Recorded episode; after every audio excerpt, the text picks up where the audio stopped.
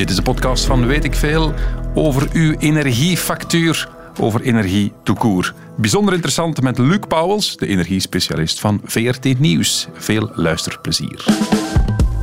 Radio 1. Weet ik veel met Kopen Ilse. Zou het... Zou het ooit gebeuren? De stroom die uitvalt. Daarvan, daarover gaat het vandaag in Weet ik Veel. U kent Weet ik Veel als een zomersmiddagprogramma. Maar vanaf nu dus ook elke week, elke vrijdag na nieuwe feiten tussen 1 en 2. Een uur lang een thema met een expert in de studio.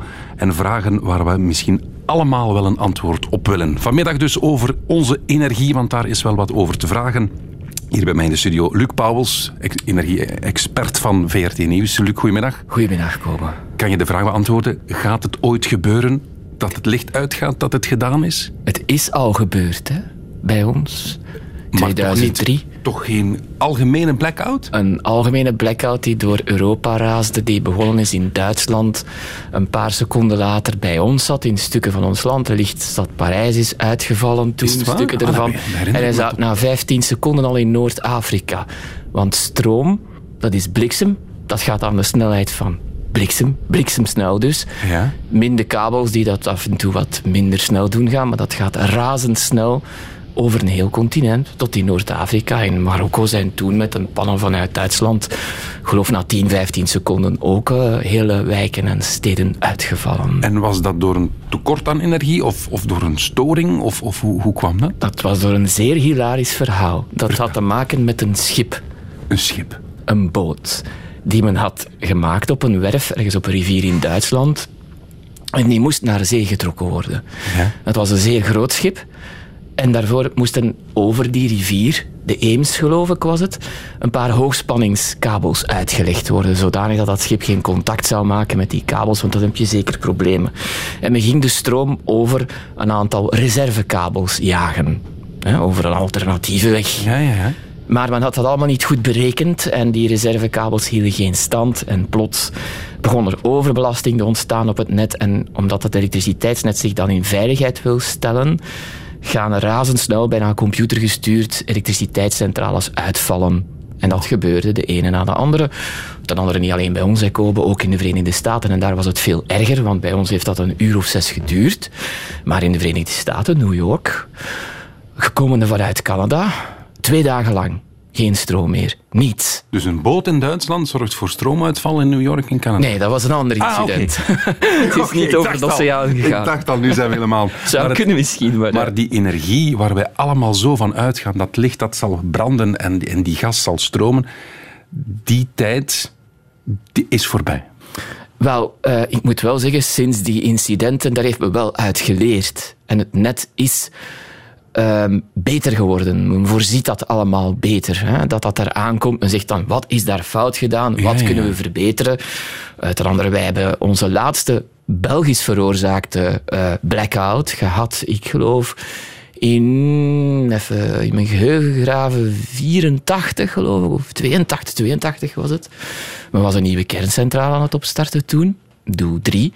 En die was aan het proefdraaien en er ging iets fout. Eh, en de andere centrales konden die plotse onevenwichten in het net niet meer opvangen. Die vallen dan cascadegewijs in een ketting uit. Na een paar minuten zat dat in de grote centrale in Vilvoorde. Die kon die plotse veranderingen niet meer aan. Die is gewoon ontploft. Daar is dus een, een Ja. turbine ontploft. De stukken zijn honderden meters ver ge- ge- gevlogen. We hebben er onlangs op onze website nog fotootjes en zelfs een filmpje van gezet vanuit de jaren tachtig. Dus je ziet wat dat kan zijn. Het is heel delicaat, maar er wordt wel goed over gewaakt.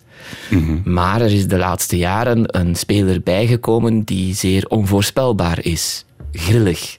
Zo grillig als de wind en de zon. Omdat er elektriciteit met wind en zon wordt gemaakt. Ja, daar gaan we het vandaag over hebben. Een uur lang weet ik veel over energie. We gaan de stroom terug aanschakelen. Voilà, daar is hem. Sam. Daar is hem, want we gaan ook platen draaien. Weet ik veel? Fijn dat je luistert naar Radio 1. En weet ik veel, welkom.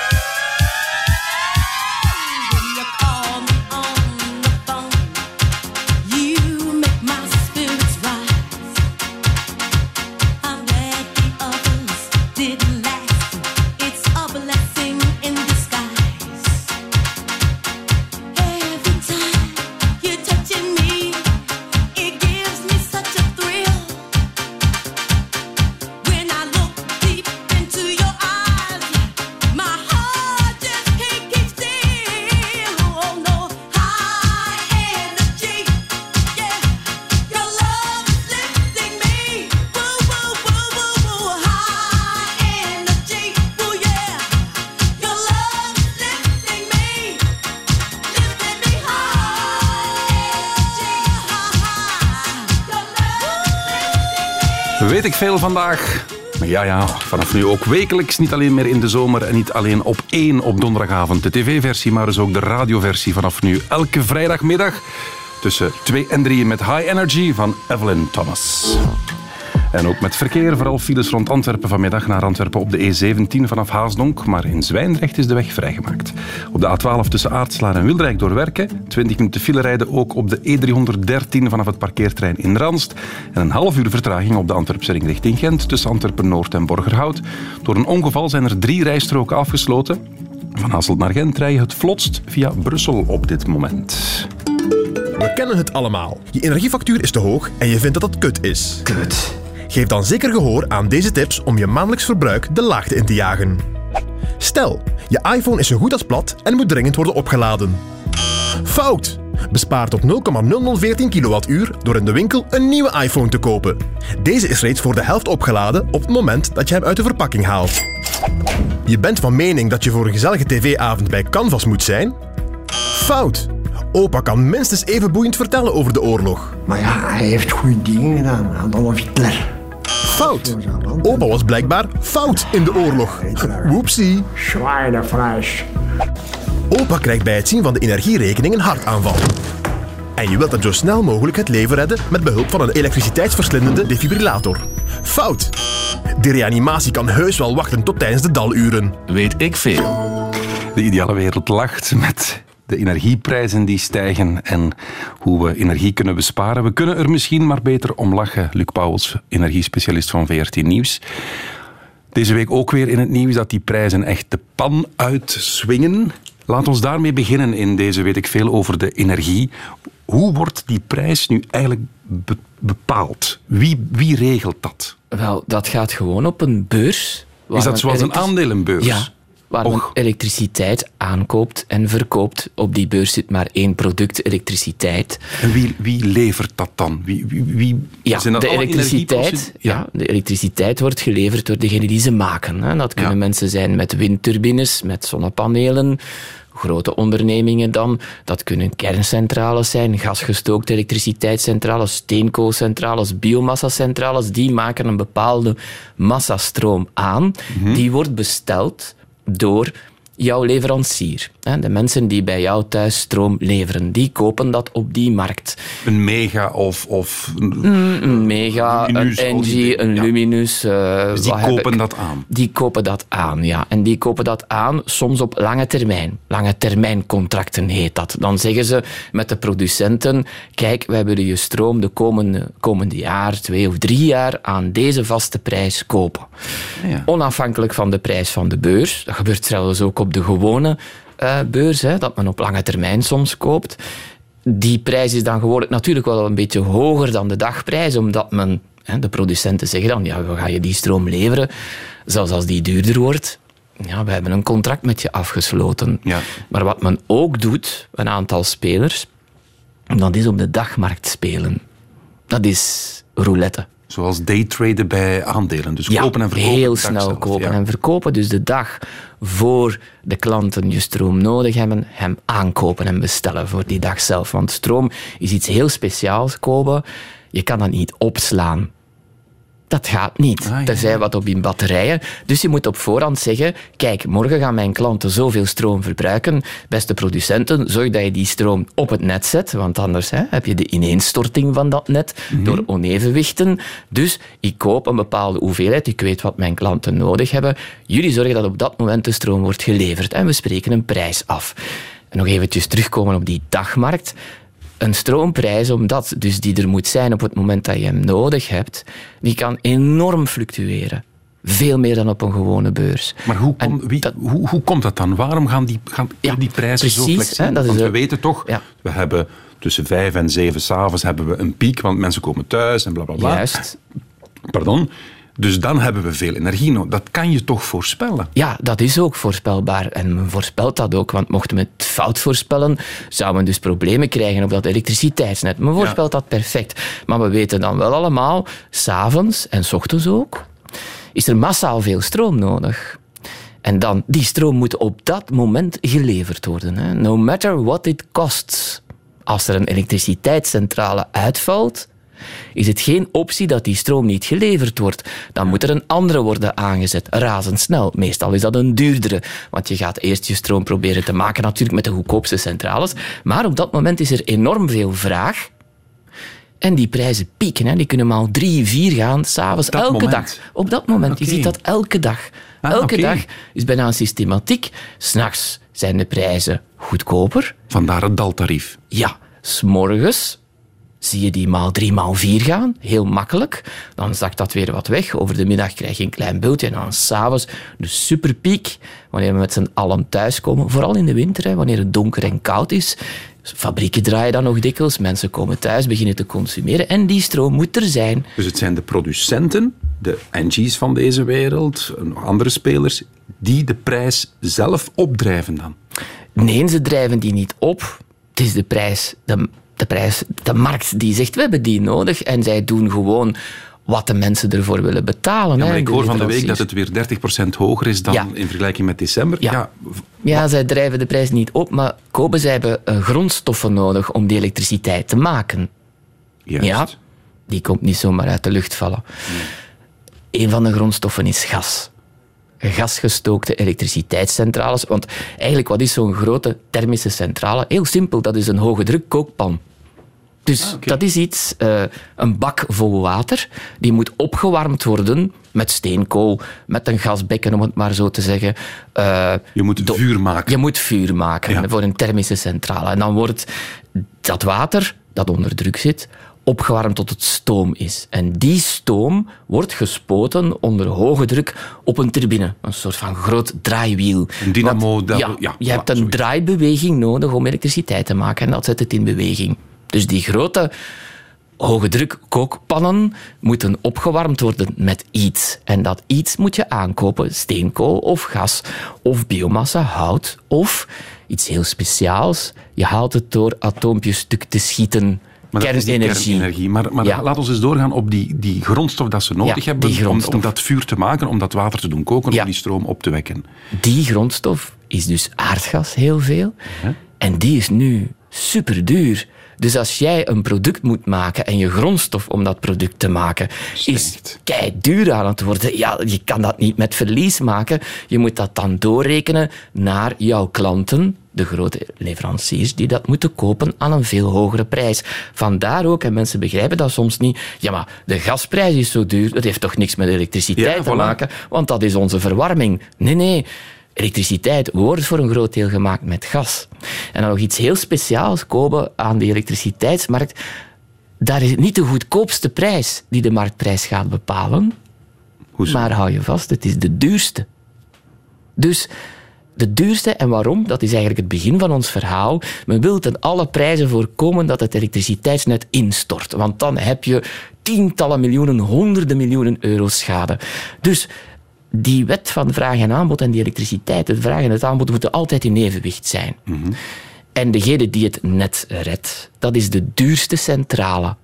En die bepaalt de prijs. En al de anderen, zelfs als die veel goedkoper elektriciteit maken, die mogen die hoge, dure prijs aanrekenen. Ja. Het is niet zoals bij brandstof voor de wagen. Als je drie tankstations op rij hebt, gaan die... Hè, ja, iedereen gaat naar de goedkoopste. Nee, dat mag niet. Iedereen moet de duurste ja, betalen. zit op een dure, de duurste prijs. En dus, wat is dat nu in de praktijk? Ja, je ziet het al voor je. Hè? We gaan eerst de goedkoopste centrales inzetten om het net overeind te houden.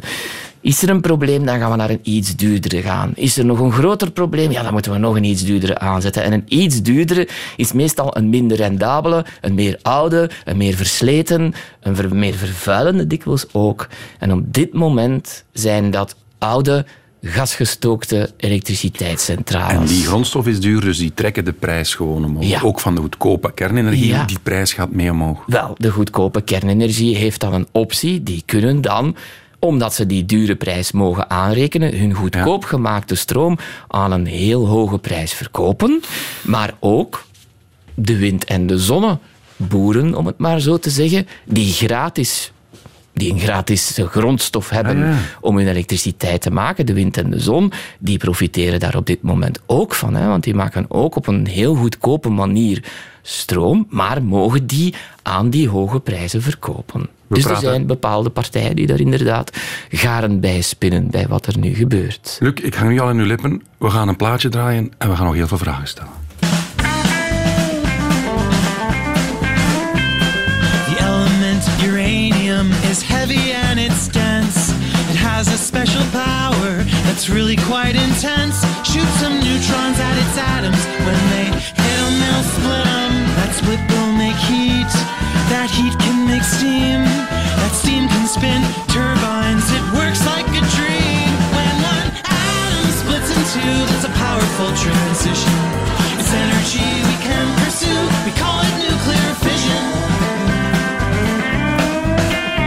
It takes an engineering wonder with a big safety factor to make atoms go asunder. It's a nuclear reactor. Nuclear reactor's gotta be dependable and have top notch engineering. The safety rules and procedures just can't be bendable with all those little atoms veering. When one atom splits in two, that's a powerful transition. It's energy we can pursue. We call it nuclear fission.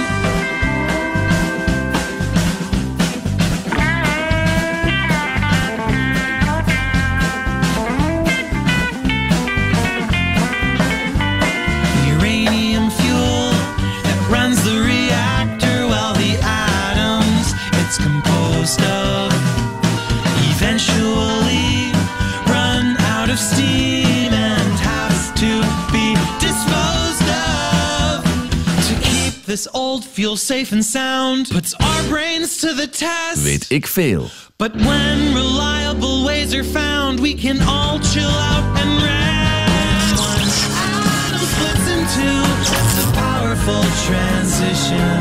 It's energy we can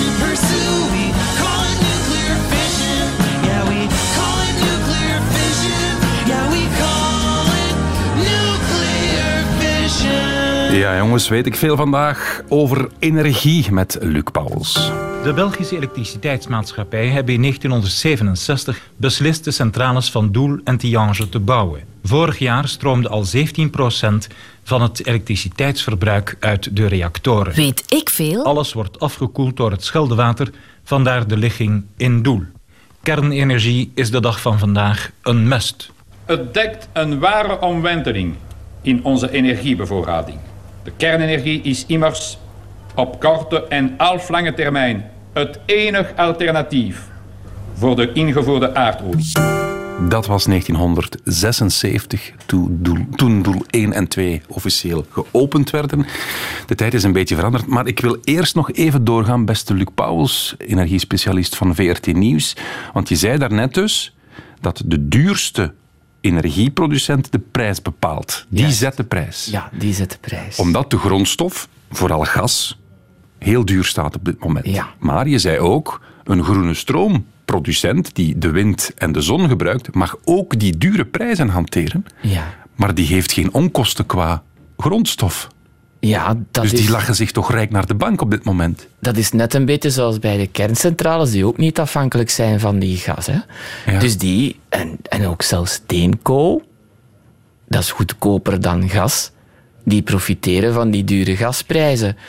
Dus iedereen die op een goedkopere manier dan met een gasgestookte elektriciteitscentrale nu elektriciteit kan maken, die ziet zijn winstmarges verhogen. Eh, nu moet je er wel mee rekening houden dat sommigen zich hebben vastgeklikt al toen de prijzen nog goedkoop waren op lange termijn contracten. Weet je wel, dat ze dat op lange termijn moesten verkopen. En dat ze zeggen, verdorie, nu zouden we dat zoveel duurder kunnen verkopen, maar we hangen vast aan onze lange termijn contracten. Ja, Het ja, gaat oké. niet. hè? Maar, maar ze kunnen in principe kunnen ze de dure prijs van vandaag re- aanrekenen, Mhm. terwijl ze hebben eigenlijk geen onkosten meer, want die windmolens staan daar. Die zonnepanelen liggen daar, die zijn stroom aan het produceren. Juist. eh, die hebben natuurlijk ook wel een investering gedaan die niet op 1, 2, 3 is teruggewonnen. Hè, eh, Kobe. Ja. Zo'n windmolenpark op zee kost een miljard, 1,2 miljard euro. Ja, dat heb je niet na een jaar terug. Hè. Maar het wordt natuurlijk interessanter en interessanter wanneer de prijs duurder wordt, eh, die, aan welke je product kan verkopen. En je grondstof waarmee je maakt gratis blijft. Ja, de Wind, wind zon. zal er zijn. Hè? Ja. Ja, maar daar is ook een ander probleem natuurlijk. Die wind en zon moeten er dan wel zijn. Hè? Ja. En het vorige jaar was er weinig wind. En dan zie je zo, oh, men rekent op eh, productie uit wind. Maar ja, die is er niet. Ah ja. Ja, dan is iedereen, dan is het nog, oh, die stroom kan er ook niet bij. We moeten nog een gascentrale aanzetten.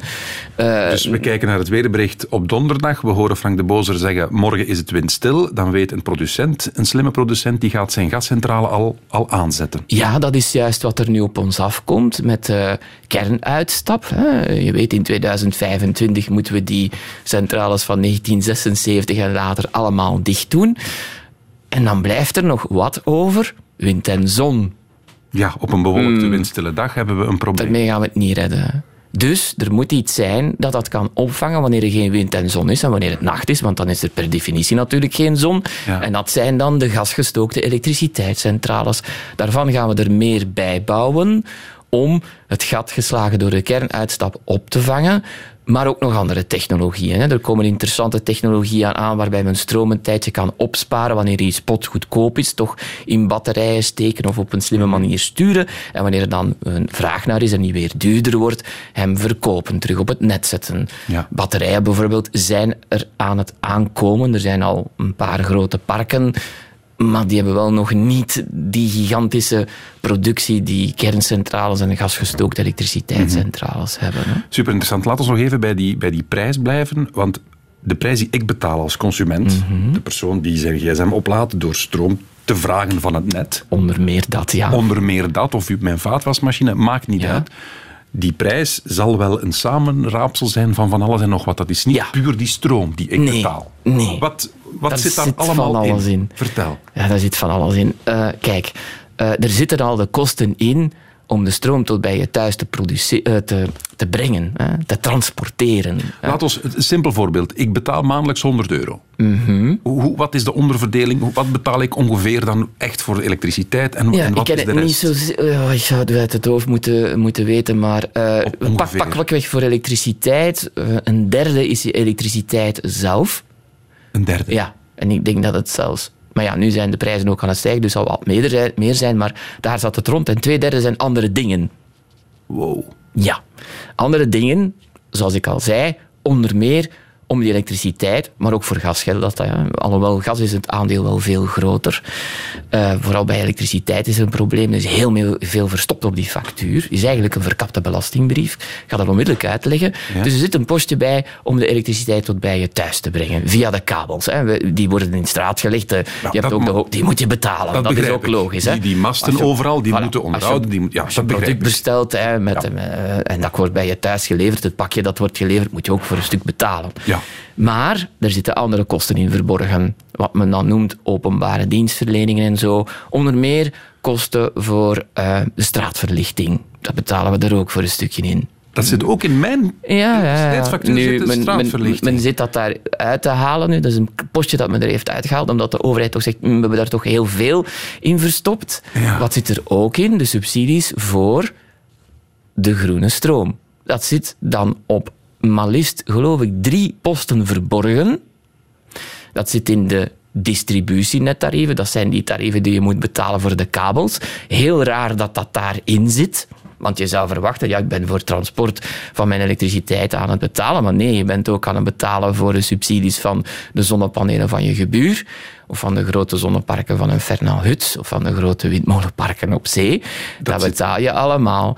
Dat zit in die distributie en in ook een ander potje dat men noemt transport. Wat is transport? Dat is eigenlijk de grote kabels die je ziet hangen aan die hoogspanningsleidingen. Ja. Dat noemt men dan transport om het eenvoudig te maken. Of nog moeilijker, wanneer het op de kleinere kabels zit die in de straat liggen, dan noemt men het distributie. Maar dat is eigenlijk een stroom die wordt getransporteerd. Hè. Ja. Nu, wat zit er nog in onder meer? Er zitten al postjes in om de elektrische laadpalen voor auto's ook mee te bekostigen. Dat zit erin. Oké. Er zitten postjes in om het fonds voor het evenwicht in de sociale zekerheid te stijven. Dat is een pure belasting die je zou verwachten op je belastingbrief, maar die zit op je stroomfactuur. Ja, er zit een postje in om onze regulatoren, onze energiewaakhonden, we hebben een Vlaamse en een federale, mee te betalen. Dat lijkt nog wel logisch. Die kijken naar onze energiemarkt. Die moeten ergens betaald worden. Wat zit er nog in? BTW toch ook? Ah ja, natuurlijk. Waar dat ze nu nog over vergeten, bezig zijn, ja. BTW is 21 procent. En daar is een enorme discussie over. De vraag, is elektriciteit een basisbehoefte? Ik, mij lijkt dat wel. Het is al een dat quiz. is- Dat is, een politieke uitspraak ja, bijna. Nee, hè? het is een basisproduct. Ja, toch. Ik heb je net verteld wat er gebeurt als je het niet hebt. Dan valt heel de maatschappij stil. En er zijn landen die dat als een basisproduct beschouwen. En daar een zeer lage BTW opheffen.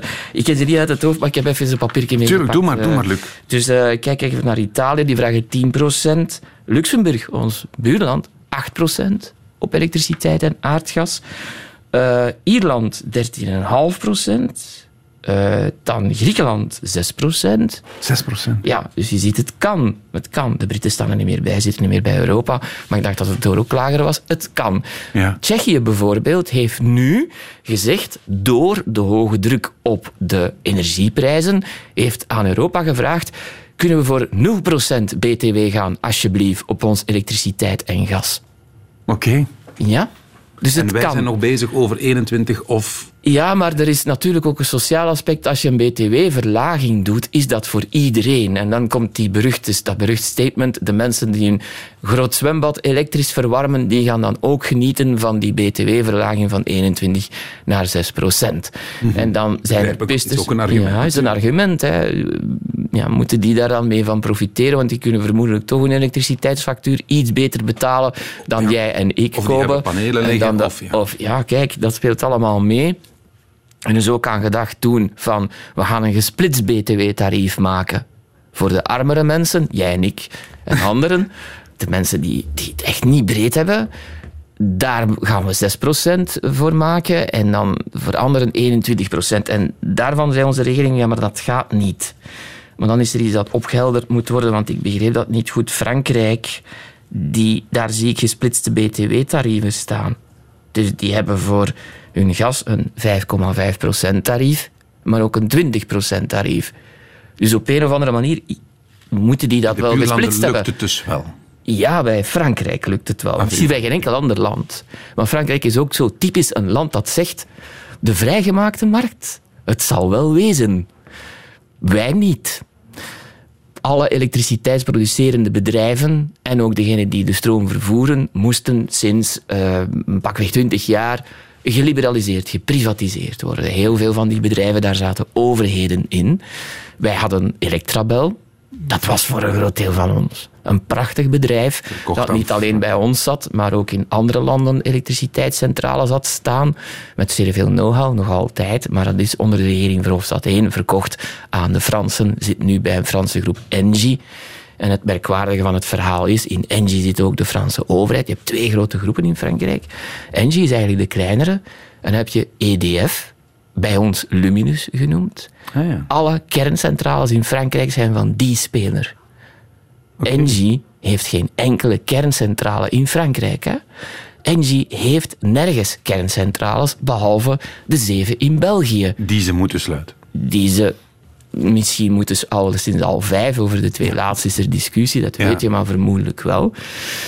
Dus het, het rare is, je hebt dan de Franse energiebedrijven die nog altijd eh, stevig in handen van de staat zijn. Dus eh, Engie zitten ze voor een groot aandeel in, maar EDF is helemaal van hen. Lumineus dus, van de Franse staat. En wat zegt de Franse staat? Die gestegen energieprijzen. Wij zijn de overheid, wij zijn de eigenaar. We gaan die blokkeren. Gas- en elektriciteitsstijging is in Frankrijk geblokkeerd tot april. Ja, en dan zie je wat er gebeurt. Dan zegt die producent, ja, maar ik moet die wel heel duur aanmaken. En, en je verplicht ons van... Mm. Maar ze het zitten, door. ze zitten ook in het buitenland, hè. Dus wij betalen eigenlijk om... Zij zijn daar aardig mee aan het spelen om met die markt die dure prijzen in te halen. En voor een deel het gat dat in Frankrijk wordt geslagen, waarmee de Fransen worden gered, wordt door buitenlandse inkomsten van EDF en Engie opgelost. Er staat dus, of er zit veel meer in die stroomfactuur dan je denkt. Heel veel meer. Heel veel meer. En eigenlijk leer ik dat we ook een beetje de Franse energie bekostigen daarmee. Ja, jongens, weet ik veel over energie? Of je er vrolijk van wordt? Dat weet ik niet. Goedemiddag.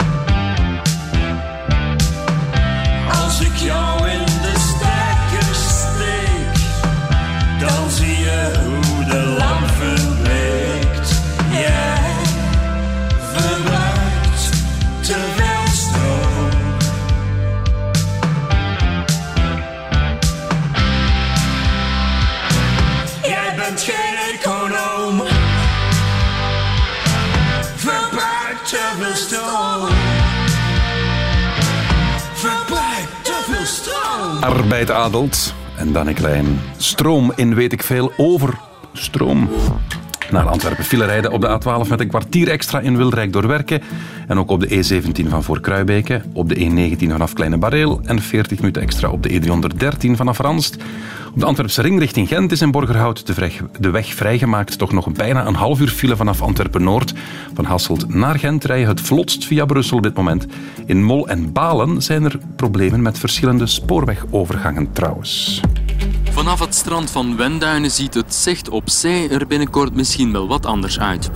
Alles hangt ervan af hoe ver de windturbines in zee komen te staan. Het plan is om ze zo'n 6 kilometer buiten de kustlijn te bouwen en de turbines zouden dan nauwelijks te zien zijn en te horen al helemaal niet, volgens de initiatiefnemer althans. Windenergie past in de filosofie van de milieuconferenties van Rio en Kyoto, want windmolens leveren schone, milieuvriendelijke energie. Weet ik veel? In 1999 was het nog nieuws als er windmolens werden geplaatst. Ondertussen staan er toch wel wat, hè, Luc? Ja, wij zijn echt als België goed bezig. Trouwens, leuke historische stukjes die jullie hebben gemaakt. En echt to the point. De Ja, heb je Wim de herkend? Was het Wim? Ja, ik Het was was- mij aan het afvragen. wacht, Wie, wacht, wie was het? Vanaf het strand van Wenduinen ziet het... Hoort het? Ja, Het goed, is hè? Wim, het is Wim. Ja, ik vroeg Ja, ja. mij af, wie is het nu? Wat was Het is de Wim? Wim, het is Wim. Ja, 1999, dan hadden we er nog geen enkel staan. We hadden wel... Pas op, dat is ook een speciaal verhaal. We hadden er wel op de Strekdammen in Zeebrugge staan. Als een Ah, van de ja, ja, eerste... Als een van de eerste ter wereld. Is het waar? Want wij hadden in de jaren 80 de grootste windmolenproducent ter wereld bij ons zitten. Die die typische windturbines met drie wiekjes zo Oh. had ontwikkeld. Is dat een Belgische ontwikkeling? Een Vlaams bedrijf, een uitvinding van een aantal Vlaamse industriële ingenieurs. Wauw. Prachtig bedrijf. Ehm, de naam ontsnapt mij, maar ik heb er nog turbines van gezien in Nederland. heel raar. Ik ging toen kijken naar de windturbines die men daar aan het plaatsen waren. En wij liepen echt achterop toen. En ik kom aan het IJsselmeer en ik zie daar stokoude turbines staan die men aan het onderhouden was. Van toen een, producent Essent. En we gaan kijken naar die turbines en tot mijn verbazing zie ik daar Nederlandse instructies op de knopjes staan. Je verwacht Engels of Duits, maar toch geen Vlaams, Nederlands. En dat bleek het laatste restant te zijn van wat eens een glorieus bedrijf was. Eh, ze zaten in grond in Truiden, die overal ter wereld windturbines verkochten. Mooi verhaal, mooi verhaal. Hoeveel ongeveer bij benadering staan er ondertussen bij ons? Ehm, Gaat ik denk op over- zee 300, op Mhm. zee denk ik. Maar kijk, eh, ik weet het beter in vermogen van Ja. elektriciteit dat ze maken. Ze zeggen dat er twee eh, gigawatt staat te vergelijken met twee grote kerncentrales aan vermogen. Maar je moet dat eigenlijk minstens door twee delen kopen, want de wind draait de helft van het jaar niet op vol vermogen. Die kerncentrales, als die even groot zijn, die kunnen dag en nacht, winter en zomer, anderhalf jaar zijn kerncentrales die tweeënhalf jaar hebben gedraaid zonder dat men ze één keer heeft moeten stilleggen of herlaten. Ja, in de Verenigde Staten is er zo eentje. Bij ons houden ze, als het goed gaat, ook anderhalf jaar uit, onze nieuwste. Non-stop? Non-stop. Zonder Amai. dat je ze moet stilleggen. Ja, die kunnen dat. Oké. Als ze geen onverwachte pannes krijgen, wat wel eens is gebeurd, maar ook andere technologieën krijgen dat. Dus nu, wat betreft de windmolens op zee, zitten we goed. Want we hebben daar, een, pakweg, een tien, ja, tien, tien jaar terug enorme inspanningen gedaan. En wij zijn begonnen, want Wim sprak nog over zes kilometer ver op zee. En je zou ze niet zien staan. Maar er is dan ergens een bezwaar tegengekomen. Iemand die half blind was, die beweerde dat hij ze wel zou zien staan. En ze waren toen al 14 kilometer ver op zee, dacht ik. En dan heeft men ze al maar verder geduwd. Nog verder, ze staan nu op 20 tot 40 kilometer uit de kust, zelfs tot 50. En je ziet ze eigenlijk nog wel wat staan bij heel klaar weer. Ja, absoluut. Je de witte zien. streepjes. Ja, ja, tuurlijk. Maar we hebben er veel. We zijn, denk ik, wereldwijd het op drie na beste land, of op vier na. Amai. Alleen de Britten met hun, die hebben een veel grotere kust natuurlijk, Voilà. eh, gaan ons vooraf.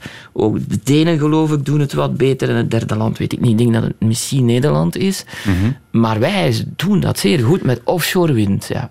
Van waar komt dan al die energie die wij nodig hebben? Want je zegt twee, of maar ja, je moet dat dan gedeeld door Ja. twee doen. Hè? Dus pakt 1 gigawatt is Ja. wind. Ja. De zon, hoeveel levert die?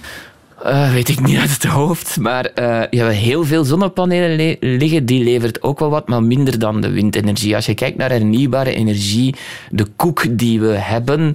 En je moet dan oppassen of je het uitdrukt. Want dat is een tricky. eh komen. Klutst dat voortdurend door elkaar. Energie is zowel elektriciteit als warmte. Mhm. Ah ja. Het verwarmen van je huis, dat doe je met gas of stookolie, maar niet met elektriciteit, in de meeste gevallen uit je wind. Pauwels, dat- ik heb verbouwd, ik heb een warmtepomp. Ah, dan ben jij iemand die inderdaad zijn warmte gaat maken met elektriciteit. Voilà, dus ja. dat- het wordt complexer. Ja, maar bijvoorbeeld transport ook. Hè. Dat is diesel, benzine, maar binnenkort ook al. En nu ook al, al maar meer elektrisch. Ja. Dus, maar je moet heel die taart bekijken. De warmte en de elektriciteit. En dan, ja, dat is ongeveer half om half, denk ik. Hm? Mhm. Dus fossiele brandstoffen die warmte maken, elektriciteit. En dan hoeveel procent van... En nu neem ik de elektriciteit. Hè? We gaan weg van gas en aardolie en zo. Eh, is, is hernieuwbaar. We moesten in 2020 12% halen van onze consumptie. Die moest komen uit eigen bronnen. We zaten daar niet aan. Oei. Dus ik denk dat we nu er nog altijd niet zitten. En dat de verhouding... Maar ik, ik hoop nu niet dat mensen mij doodslaan, want het is echt mijn geheugen. Er zitten heel veel getalletjes in. Eh, voor elektriciteit, wat is moeilijk. Ik denk dat het... Ik durf het niet zeggen, maar je hebt die 12% samen en wel een meerderheid wind. Hè? Ja. En eh, een, eh, veel minder zon. Waarom? Er ligt wel heel veel capaciteit zon, maar de, zon mathematisch is er al half de helft van het jaar zeker niet. En dan heb je een hoop kerncentrales die nog voorlopig nog altijd werken. Dat is Mhm. Toch de grootst, het grootste deel van de koek, denk ik? Ja, eh, er zijn recente cijfers wat betreft elektriciteitsproductie. Nu komen we terug. Ik geloof dat meer dan 52% kwam uit kerncentrales het afgelopen jaar. Omdat ze zeer goed hebben gedraaid, geen benoemenswaardige panels hebben gehad. Eh, dan kwam gas, dat 10% is verminderd doordat het weggeduwd werd door kernenergie. Ehm, dat was een, een, een 20%. En dan kwamen onze, onze windmolens en de zonnepanelen. En Maar die gingen in de totale koek. Ja, dan heb je. Die dekken wel het meeste. Je hebt kernenergie, pakweg dat daar 25% gas bij komt. Dan zit je al aan 75. Pak dan nog een voor elektriciteit, afhankelijk van een 12%.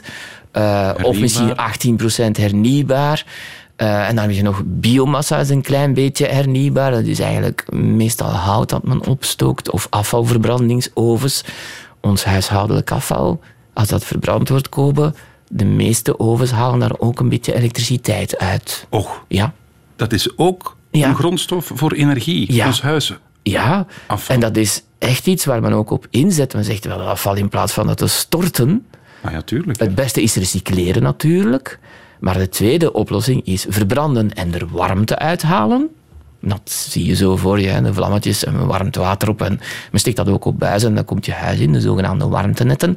En elektriciteit. Om een voorbeeld te geven, de Denen die voeden heel Kopenhagen met afvalverbrandingshovens, warmte. Dus je ziet daar zo'n stokoude radiator staan. Als je dus een flatgebouw binnenkomt, zo'n zo'n stalen ding zo. En je denkt, waar is hier de boiler, de ketel, om die te verwarmen? En je ziet niets in die gebouwen. Je ziet wel grote geïsoleerde buizen binnenkomen. Onder de straat, die lopen tot afvalverbrandingsovens die 10 kilometer verder liggen. Hè? En zo wordt heel Kopenhagen qua warmte gevoed. Dat komt ook meer bij ons op, omdat men ziet dat is efficiënt. er zijn steden geweest die dat hadden bij ons. Aalst, het Oost-Vlaamse Aalst, stad van de carnaval, hadden een warmtenet, dus uitgelegd een aantal, ik geloof 30 jaar geleden, 40 jaar geleden. Vond me niet interessant en nu gaat men terug beginnen om te zien. Men zegt, joh, dat is wel interessant, laat ons het toch doen. Dus je ziet, het komt van alle kanten een beetje. Ja. Maar heel veel wordt nog geïmporteerd. Niet onderschatten, stookolie, aardgas. Hoeveel wordt geïmporteerd?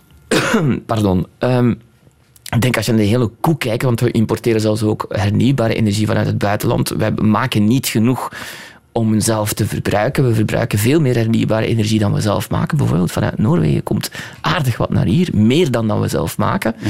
Ehm, wat we importeren is heel veel. Ik kan er geen getal op kleven, maar de overgrote meerderheid is nog altijd uit het buitenland. Hè.